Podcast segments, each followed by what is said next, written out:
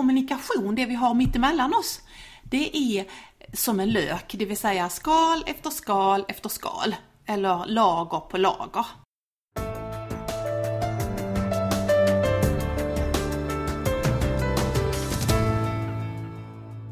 Välkommen till Utmanarpodden! Dagens avsnitt har rubriken På vägen mot att lyckas. Och jag skulle vilja säga att du Ingmar är kvinnan som har lyckats med nästan det mesta du har tagit för dig skulle jag säga. Du har lyckats kombinera mammaroll och karriär, du har startat ett företag som grundade sina tankar kring ledarskap, alltså Rundvall Konsult.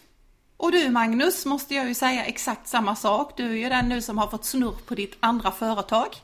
Och jag är så tacksam att eh, jag får spela in Utmanarpodden tillsammans med MC Produktion. Vad handlar det här avsnittet om? Att lyckas? Ja, det handlar om eh, viljan att lyckas. Att få alla till att vilja lyckas och kunna lyckas. Det vill säga få den här känslan, yes, det gick. Men hur menar du då, ah, det gick? Ja, men jag tror, jag har ju fått möjligheter att jobba i massa olika branscher och varit ideellt med i massa olika saker. Mm. Och ibland kan jag bli lite avundsjuk på lagidrottare. Jaha, varför det? Men de verkar ha en, en, känsla av att när det går bra, då firar vi. Ja. Man kan också se det när man är på den anläggning där jag går och tränar crossfit. Eh, att när man är klar, när man har lyckats, så ger man give me five. Mm.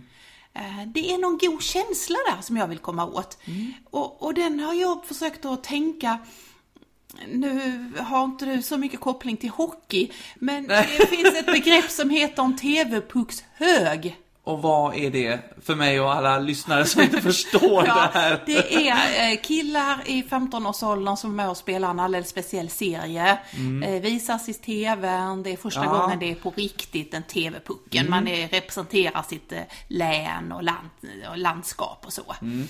Eh, och när de som firar, då börjar de för några år sedan, att, rätt länge sedan, att när det gick bra och de vann, då slänger de sig i en hög allihopa. Någon längst ner där tror jag målvakten mm. ligger och sen mm. alla ovanpå. Och sen byggs alla på? Ja, i någon sorts glädje, vi vann. Okej, okay, det är ju rätt häftigt. Mm. Men då måste jag fråga, när du firar då när de ska gå bra, då lägger inte du dig i en hög och Nej, just Nej, hur gör du liksom? ja, jag är rätt så noga med när jag är inne och gör insatser. Jag jobbade med ett eh, jättestort arbetslag eh, som också valde att ta med sin styrelse.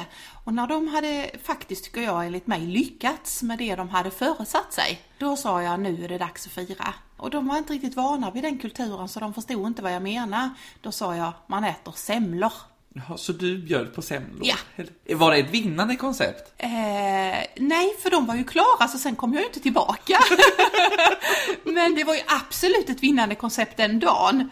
Uh, och jag hoppas verkligen att mina insatser gör att det är stabilt där. Så det var, ja, det var absolut en fantastisk förmiddag. Det var förmiddagsfika, kan du tänka dig det? Mm. Då brassade vi på med 45 semlor. Underbart! Jag vet inte, det var inte ens rätt tisdag som man ska äta semlor. Jag vet ju att du har en liten fabläs för semlor. Ja.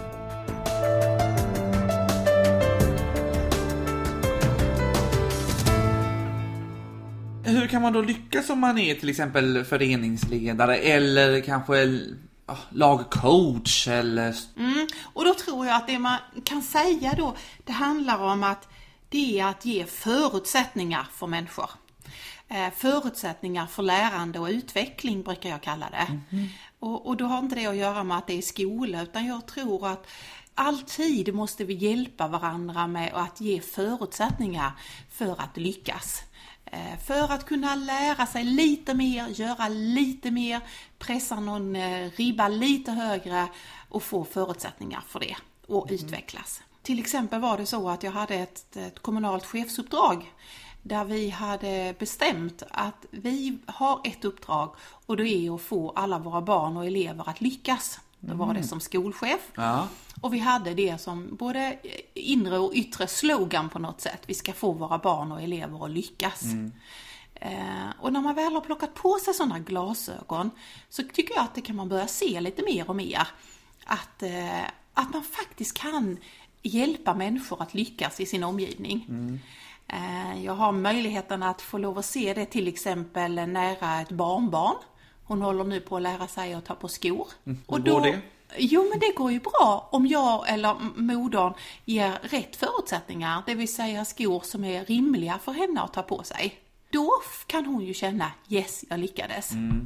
Och eh, det innebär ofta i det här stadiet att det ska vara sådana skor så det kvittar om höger är på vänster eller vänster är på höger.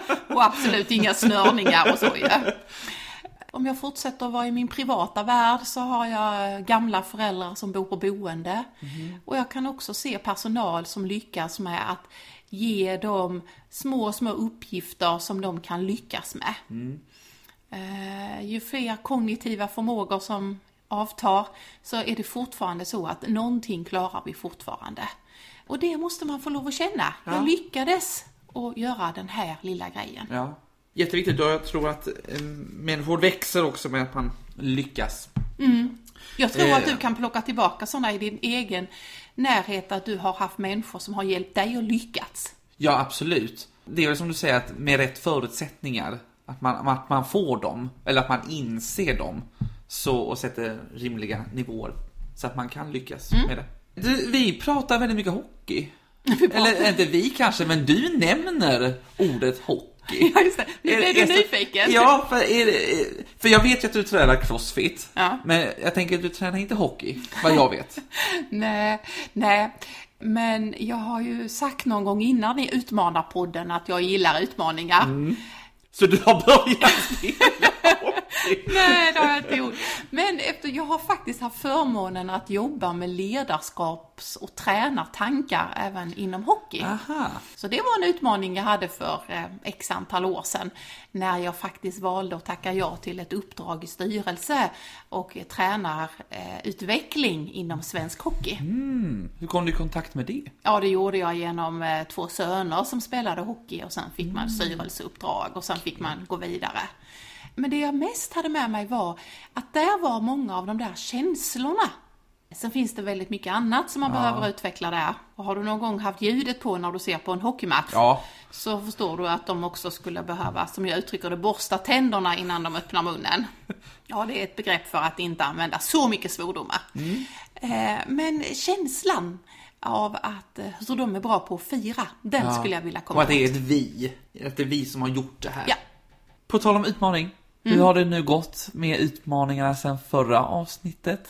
Vi hade ju Vi hade ett där du skulle vara som en servitör. Du skulle kunna säga det där är inte mitt bord. Nej, Och inte ta på dig för mycket. Hur har det gått med det? Ja men eh, det är ju lite intressant för att jag kommer ihåg när, vi, när jag tog upp det här att jag skulle ta det. Då tittade du lite förskräckt på mig och tänkte ja men du måste ju också ta ansvar Ingmarie. Och så fick vi ta ett litet mellanspel om ansvar i det in avsnittet. Men ja, det var ju inte alls det det handlade om. Det handlar ju om att hitta sitt eget utrymme. Alltid i förhållande till andra människor. Och det var ju mer den här känslan av att som en servitör kunna säga det där är inte mitt bord. Mm, precis. Eh, Jag behöver inte ta ansvar för allt. Och så var det ju då frågan, hur har det gått? Ja! Ja, det kan man väl säga si sådär. Jaha, har du något exempel? Ja, eh, vi spelar ju in de här avsnitten uppe i vår huvudstad och jag bor ju inte här så att på tågresan hit så fick jag ju prova på och det gick ju inte så bra. Jag såg ju någon liten typ fyraåring där som jag tänkte, ja men han får ju någon ta ansvar för. Eller honom som det heter på svenska. Så då gjorde jag ju det och han tittade förskräckt på den gamla tanten och började gråta. Så då tänkte jag, just det, det var ju det där att jag inte skulle ta ansvar för allt och alla. Ja. Så att jag tränar vidare. Ja, gör det. Ja. det. Det tycker jag. Och sen så hade vi ju den här som lyssnarna skulle göra. När de skulle liksom ta en spegel, vända den mot sig själv och liksom kunna reflektera lite över det och vad är det man vill egentligen? Ja, precis, så var ju frågan. Och då var det ju så roligt. Ett, vi fick ju lyssna respons på den. Och det är vi väldigt glada för. Absolut. Och när jag fick den så började jag än en gång reflektera över löken. Ibland så använder du sådana här uttryck och jag bara tittar storögt och undrade var kommer det här ifrån? Ja, Och det gör jag lite för att du ska hålla dig vaken här Ja. som sidekicken. Ja. ja. Så vad är löken? Jo, löken är ett begrepp för hur vi människor ofta pratar med varandra. Och då tänker man att vår kommunikation, det vi har mitt emellan oss, det är som en lök, det vill säga skal efter skal efter skal, eller lager på lager. Det finns något väldigt enkelt att tänka, att när vi börjar träffa en ny människa så pratar vi väder och vind. Ja, det brukar ju vara det klassiska. Det vet du väl? Ja, ja. absolut. Ja, nu har våren kommit längre Ja. här och nu är kall sommar och det är blöt sommar och det är för varm sommar. Ja. Det finns ju alltid något sätt, och man, ofta går man in negativt in i. Men man kan alltid prata det. Lagret under det innebär att vi pratar de hårda frågorna. Och hårda frågor menar jag sådana där som inte berör så himla mycket. Ny bil. Mm. Tågbiljetterna fungerar inte. Vad gör du nu för tiden? Ja. Vad jobbar du med? Ja. Köp nya glasögon kanske?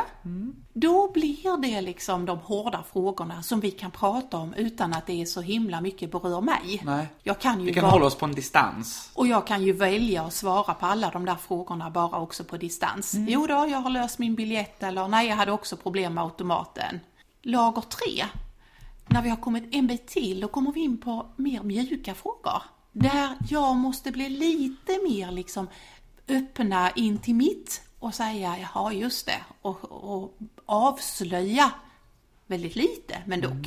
Typ, nej du, det var faktiskt så här att jag hade inte pengar på kontot så det funkade inte så bra när jag skulle ta ut min tågbiljett. Vi börjar liksom skala av lite mot vår egen kärna. Ja, snyggt satt eftersom vi pratar om en lök så skalar vi av lite där, helt rätt. Och sen när vi kommer in på fjärde, på det fjärde lagret, då är vi inne på mina frågor. Som kan vara... Som är de som berör mig. Som är viktiga för mig och som jag vill prata om. Vem är jag? Varför hamnar jag i det här? Varför har jag så svårt med den här relationen? Varför blir det så här? Nu är det tredje chefen som tycker att jag gör så här och så här. Det vill säga djupa frågor som berör mig. Och då är det alltså så här, om vi nu ska ha den här löken framför oss och bara repetera det här. Så är det alltså första lagret, då är det väder och vind vi pratar. Andra laget är de hårda frågorna. Tredje laget är de mjuka frågorna vi börjar närma oss. Och det fjärde lagret är alltså de frågor som berör mig. Som jag lite slarvigt brukar kalla mina frågor. Ja. Och då är det ju inte mina Ingmarie utan då är det mina Ingmarie, mina Magnus och mina Stina-frågor. Mm. Och det här kan se lite olika ut tidsmässigt. Alltså beroende på vilken relation man har. Det finns ju faktiskt människor som både du och jag antagligen känner som gör allt för att hålla det på väder och vindrelation. Ibland pratar man hårda frågor. Att grannen har flyttat in eller grannen har flyttat ut och att mjölken har blivit dyrare. Det vill säga att man rör sig i lager 1 och 2. Sen vet vi också att både du och jag, både på jobb och hemma, har människor som väldigt snabbt kommer in i livets mjuka frågor. Och som verkligen vill prata. Vad har det för betydelse med klimatångesten? Den ligger inte på ettan och tvåan. Om vi kommer under de orden så är det någonting annat. Och vad är det liksom? Och det är ju där det blir intressant i en relation. Exakt. När man kommer in på trean och fyran. Ja. Och det är därför det var jag blev så glad utifrån lyssnarresponsen. För då var ju frågan, vad vill du eller jag egentligen? Mm. Då var det folk som återkom och berättade att vi kom mycket djupare i våra samtal. Och det är ju rätt så logiskt. Ja, det är det. Ja, För vad vill jag egentligen? Eller tänk om du får frågan, vad vill du egentligen? Då kommer vi liksom under och vi kommer ner rätt så snabbt in, eller snabbt in i löken. Ja. Så att, eh, tack för responsen och eh, ta gärna med er lökmetaforen. ja, precis. Och det kan ju vara så att eh, där på skal 4 så kan det ju vara likadant som på löken att man gråter. Men det är en helt annan sak. Just det.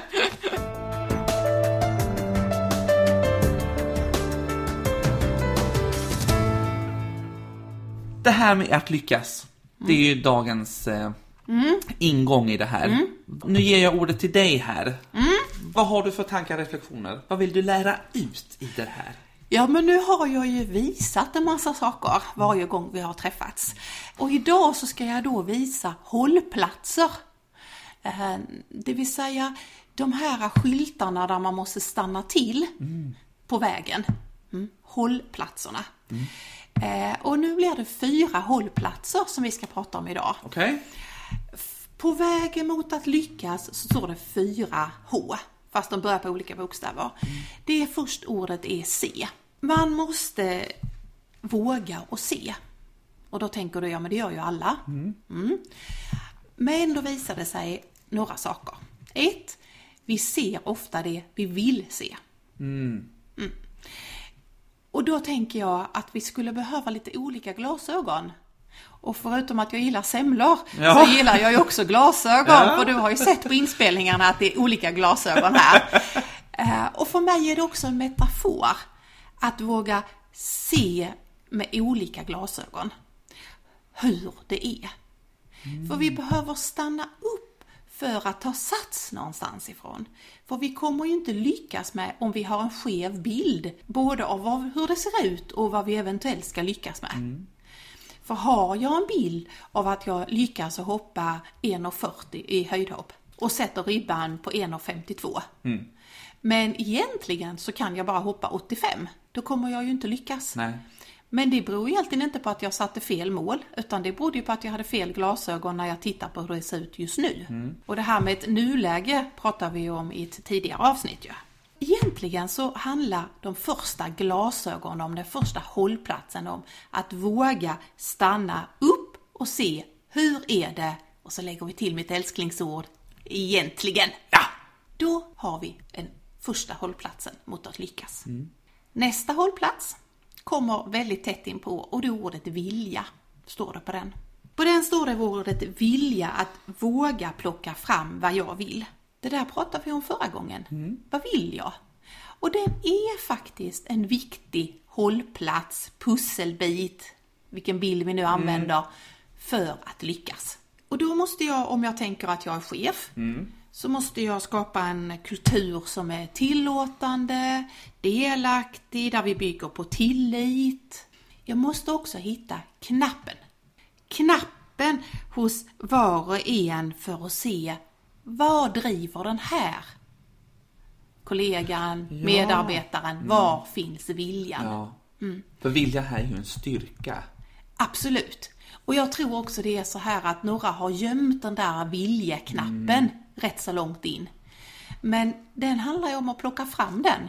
Om det är så i, en, i en förening, i arbetslivet, i sociala sammanhang, så handlar det om att plocka fram viljan. Ja.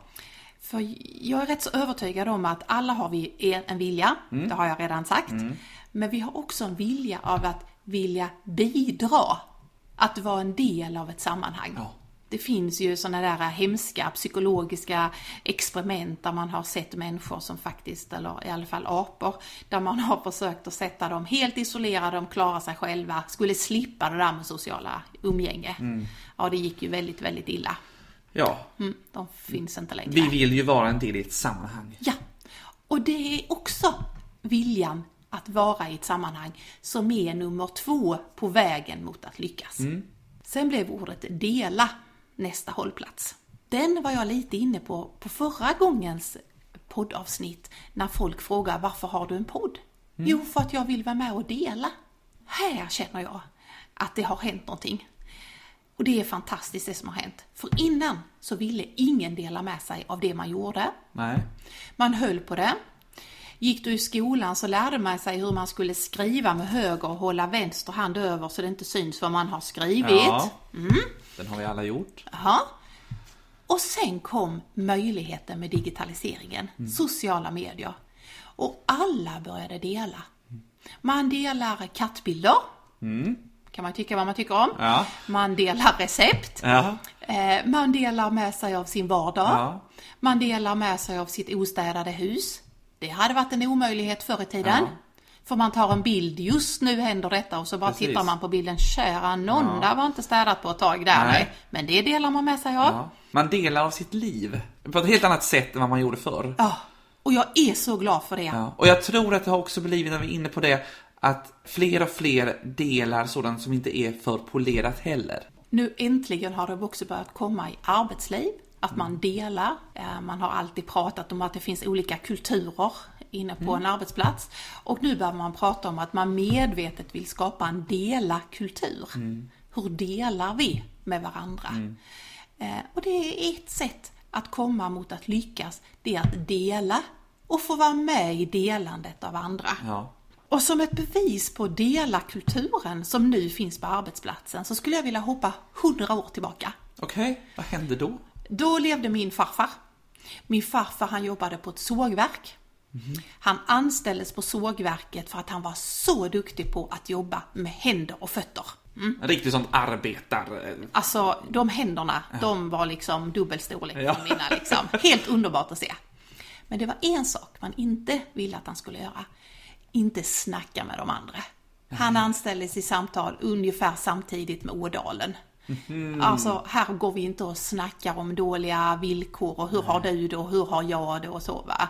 Utan se till att jobba. Händer och fötter och så flyttar du stockarna därifrån och brädorna därifrån. Och nu på hundra år så är det precis tvärtom.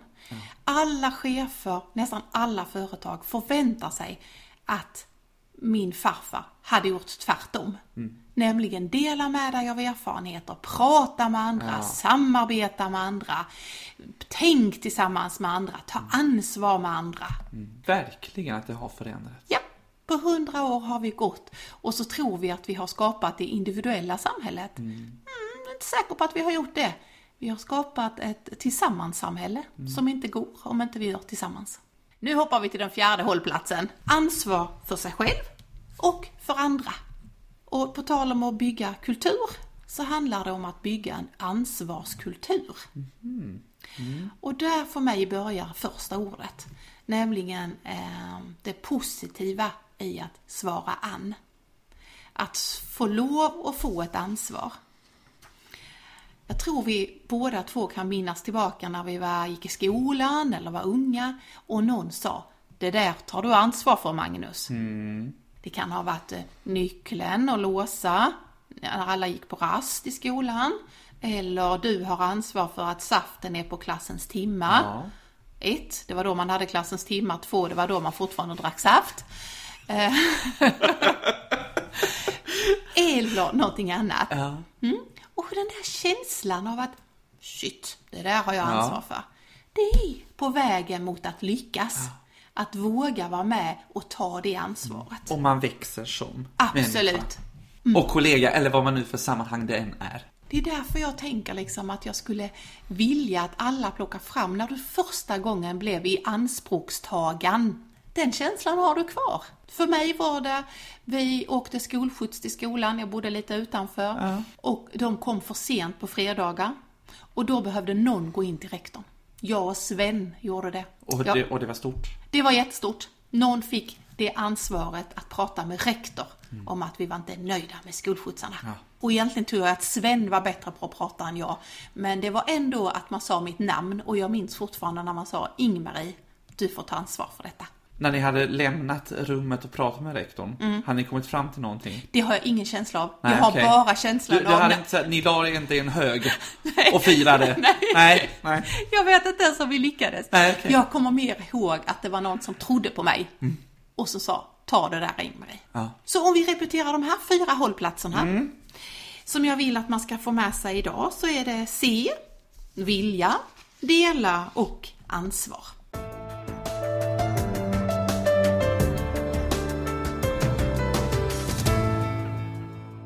Veckans utmaning.